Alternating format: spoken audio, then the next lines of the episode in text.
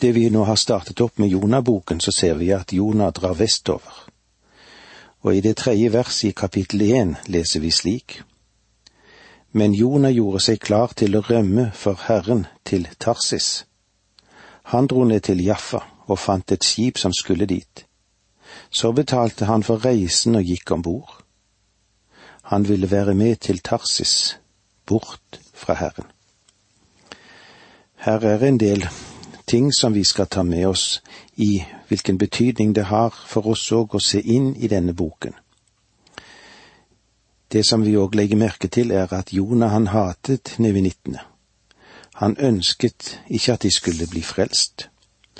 Han hadde et domsbudskap. Og eh, Jonah var en ulydig profet. De tre tingene var vi innom sist vi var samlet. Og nå ser vi på den fjerde og siste grunnen til at Jonah var ulydig mot Gud. Jeg vet ikke om du har lagt merke til at Gud i Det gamle testamentet aldri sendte sine budbærere som misjonærer til andre land? Har lagt merke til det?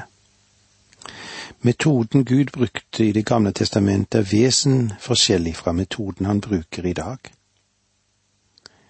Israel skulle tjene og tilbe Gud som et folk, plassert midt i verdens veikryss. Der de tre kontinentene, Europa, Asia og Afrika møttes. Datidens folkeslag, om de da ikke dro sjøveien, måtte ta veien om Israel. Gud tok Israels folk, satte dem der ved veikrysset, og fikk dem til å bygge et tempel for å tilbe ham, slik at de skulle være et vitnesbyrd for Gud ved å tjene Gud.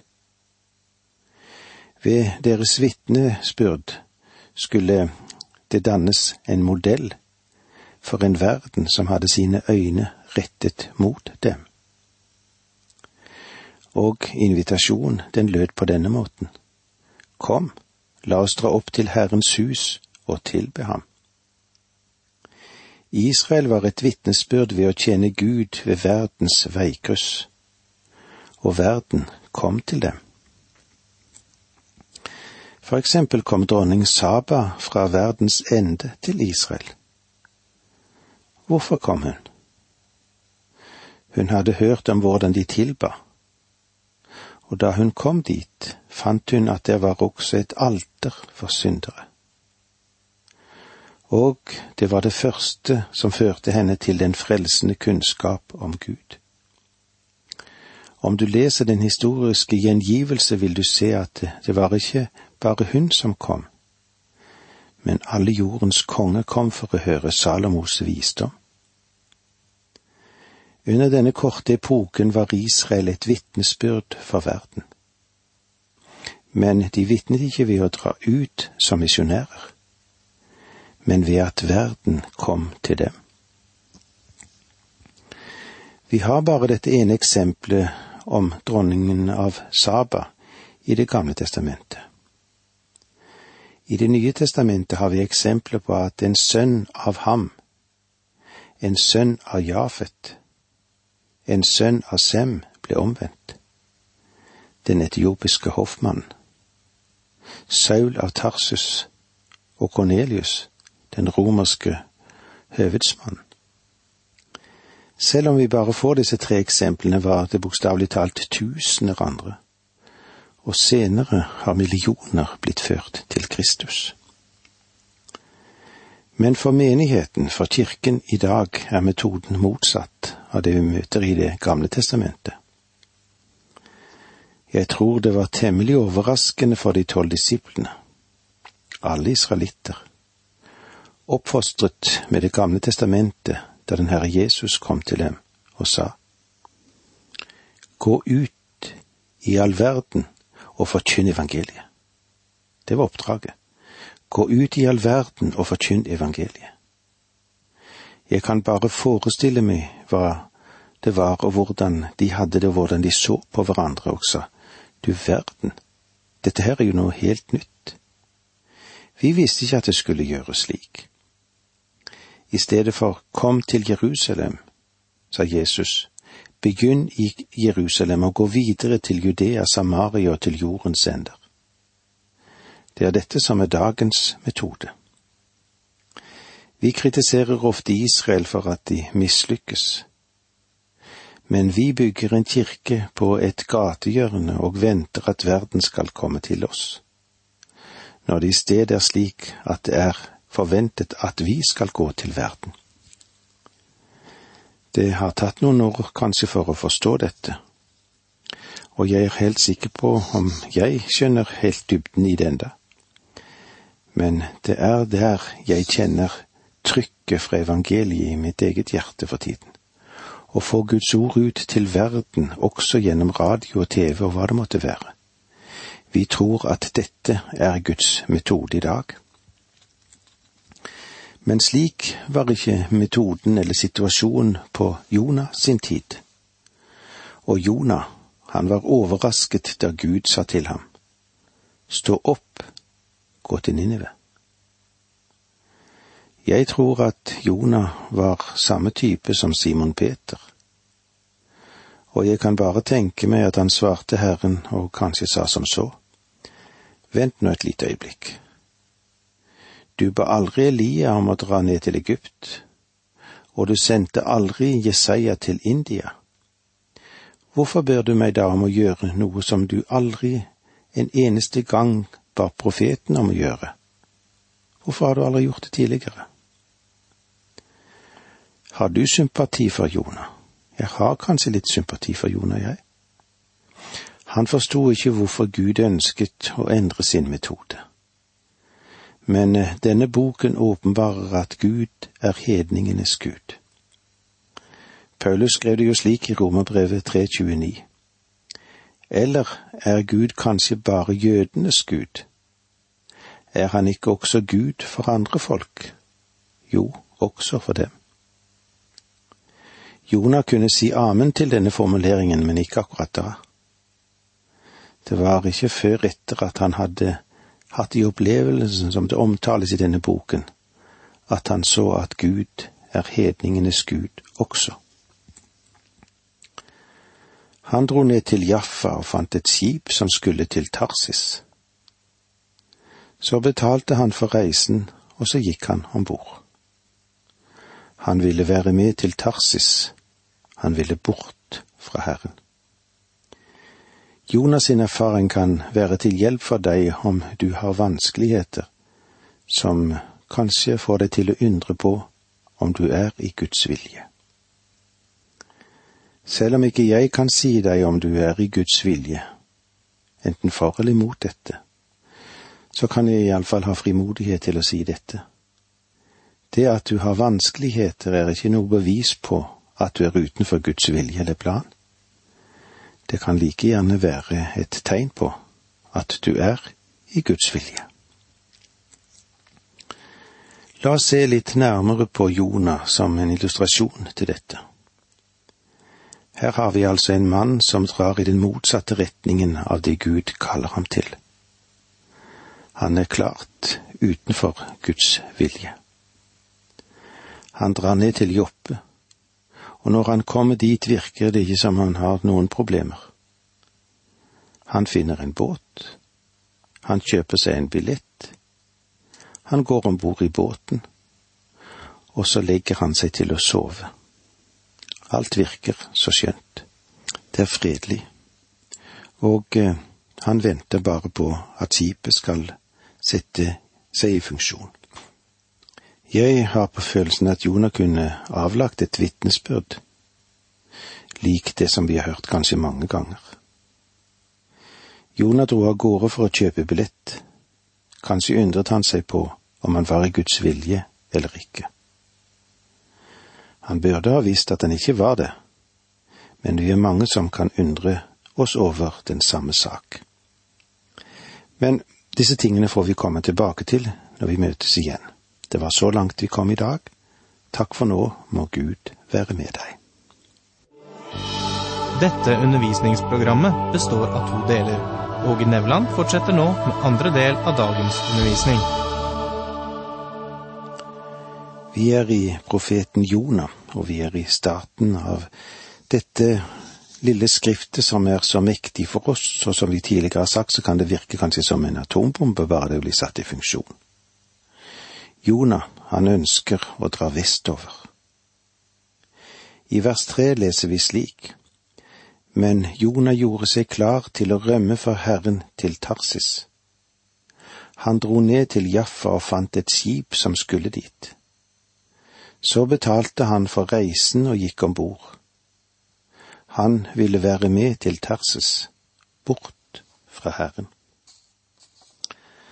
Han sto altså i køen for å kjøpe billett. Billettøren sa til mannen rett foran Jonah. Dessverre, men nå er det helt fullt. Jeg kan ikke selge flere billetter. Og Jonah var i ferd med å gi opp da telefonen ringte og billettøren svarte. Det var en som ringte og meldte avbud fordi han var kommet på sykehuset. Det hadde skjedd plutselig, og nå kunne han ikke være med på reisen. Så Jonah ventet, og billettøren satte seg og sa, unge mann, nå er du heldig. Jeg har nettopp fått en avbestilling. Jonah må da kanskje ha tenkt slik, jeg er sannelig heldig. Ja, mer enn det. Kanskje dette betyr at jeg er i Guds vilje. Hvor mange kristne tenker ikke slik? Om de har vanskeligheter, sier de, jeg er kanskje ikke i Guds vilje akkurat nå, jeg er ikke i Guds plan. Om tingene går lett og alt fungerer bra, så sier de, nå må jeg vel være i Guds plan, nå må jeg være i Guds vilje. Jeg mener at om du kjenner deg litt urolig, så kan det egentlig være fordi djevelen er litt urolig fordi du vokser og gjør en god jobb for Herren. Det har jeg òg fått lov til å møte i min egen oppgave og i min egen tjeneste. Det at du har vanskeligheter, det betyr ikke nødvendigvis at du ikke er i Guds plan med ditt liv, at du er i Guds vilje. Alt synes nå å være duket for en god reise for Jonah. Alle ting fungerte jo så greit. Noen har kalt dette for en, et lykkelig sammentreff av omstendigheter. Men det vi vet, er at Jonah drar i feil retning, og at Gud må smugle han gjennom en fisk for å få ham til å vende om. Guds menn gjennom århundrene, både i Bibelen og i historien, har ikke alltid funnet at tingene har vært så lette. Deres omstendigheter har ikke vært så lykkelige. Forholdene har vært vanskelige. Helt fra jeg var ung, fra min barndom, har jeg bevart begeistringen for det som David Livensen fikk oppleve men leser du hans historie, så møter du sannelig en som fikk lide. Hadde det vært slik at jeg trålet gjennom Afrika slik han gjorde det, så ville jeg etter et par tøffe erfaringer ha lett for å si, kanskje med en from stemme. Jeg tror det er Guds vilje at jeg nå vender om og drar hjem igjen. Det samme kan vi sikkert si om Lars Grefsrud og hans livshistorie og vi har mange andre òg som vi gjerne kunne ha trukket frem ifra misjonshistorien. Og leser vi Hebreerbrevet, det som det står i det ellevte kapittel vers 36 til og med 38. Andre måtte tåle spott og piskeslag, ja, til med lenker og fengslet. Noen ble steinet og pint, saget i stykker eller drept med sverd. Andre måtte gå omkring i saueskinn og geiteskinn, de led nød. Hadde det vondt, fikk hard medfart. De var for gode for denne verden. De flakket omkring i øde trakter og på fjell og holdt til i huler og grotter. Vi leser også i hebreerbrevet at noen unnslapp sverdets egg ved tro, mens andre, de ble drept med sverdet. Derfor kan du ikke alltid tolke de gode og de normale omstendigheter som å være i Guds vilje eller Guds plan, og det unormale eller ulykkelige omstendighetene, de vil være utenfor Guds plan. Nå er Jonah kommet om bord i båten. Skipet, det legger fra land. Og jeg kan bare tenke meg at Jonas står der på toppdekket. Han er i godlunde nå, og han ser Jaffa forsvinne bak seg i disen. Kanskje han sa til seg selv, det ligger an til å bli en deilig reise, dette. Men vi vil snart se at karen ikke får det så enkelt som han hadde trodd. Stormen. Vi leser i vers fire her i kapittel én. Men Herren sendte en sterk storm over havet. Det blåste så hardt at skipet holdt på å bli knust. Men Herren sendte en sterk storm over havet. Gud var ansvarlig for denne stormen. Og jeg vil at dere skal merke dere det helt ifra begynnelsen av. Denne stormen er ikke en storm som pleide å komme på denne årstiden. Denne stormen som kom nå, den var helt overnaturlig.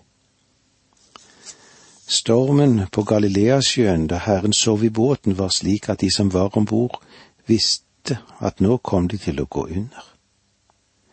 De hadde erfaring med at denne sjøen, og eh, de visste at denne type storm var mer enn deres båt kunne makte. Ganske snart så ville katastrofen være et faktum.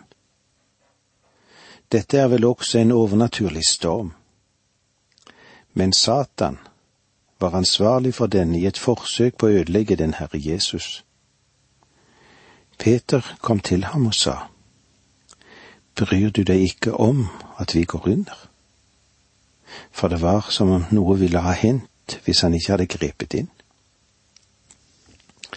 Her i Jonaboken bruker Gud en storm.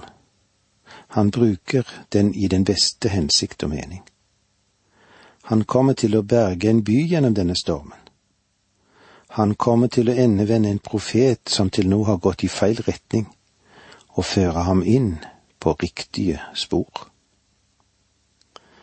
Vers fem Da ble sjømennene redde og ropte hver på sin Gud og for å lette skipet kastet de lasten som var om bord på sjøen. Jonah var gått ned i skipet og lå og sov fast. Disse sjøfolkene, hva med de? Jo, de var vant med sjøen, de var vant med Middelhavet.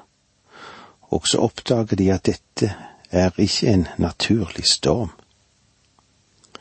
Jonah, hva med han? Jo, Jonah var gått ned i skipet og lå og sov fast. En gang hadde jeg den oppfatning at hvis et menneske kommer ut av Guds vilje og plan og beveger seg inn i synd, så vil han bli plaget av dårlig samvittighet og virkelig kunne komme i en hard knipe. Er det sant om Jonah? Jonah er klart utenfor Guds plan. Han drar jo i motsatt retning. Han forsøker jo å flykte bort fra Guds åsyn. Han ønsker å komme seg så langt fra Ninive som det var mulig, og så drar han mot Tarsis. Allikevel sover han godt og har tro på at alt skal ordne seg. Han kan sove i stormen når til og med sjøfolkene er redde. Og disse sjøfolkene er eh, sannelig hedninger som tilber alle slags guder. Vers seks Skipsføreren gikk da til ham og sa, Hvordan kan du ligge og sove så godt? Stå opp og rop til din Gud. Kanskje Guden vil komme oss i hu, så vi ikke går under. Det kapteinen egentlig sier, er vel kanskje dette. Din lathans, er det virkelig mulig å sove i en storm som dette? Jonah kunne det. Faktisk er han den eneste om bord som fikk en blund på øynene. Kapteinen fortsetter, stå opp og rop til guden din, så kanskje han vil berge oss så vi ikke går under. Nå først kommer Jonah på dekk, og han ser den uhyggelige stormen som truer med å sende skipet til bunns. Vers syv Og sjømennene sa til hverandre, Kom, la oss kaste lodd, så vi får vite hvem som er skyld i at denne ulykken har rammet oss. Så kastet de lodd, og loddet falt på Jonah. Sjøfolkene kastet lodd. Kan Gud bruke noe slikt? Ja, Gud, han har brukt mange forskjellige ting opp gjennom tidene. Han vil ha gjennomført sin vilje og sine planer. Og dette vil vi komme inn på når vi møtes igjen neste gang, men det var så langt vi kom i dag. Takk for nå, må Gud være med deg.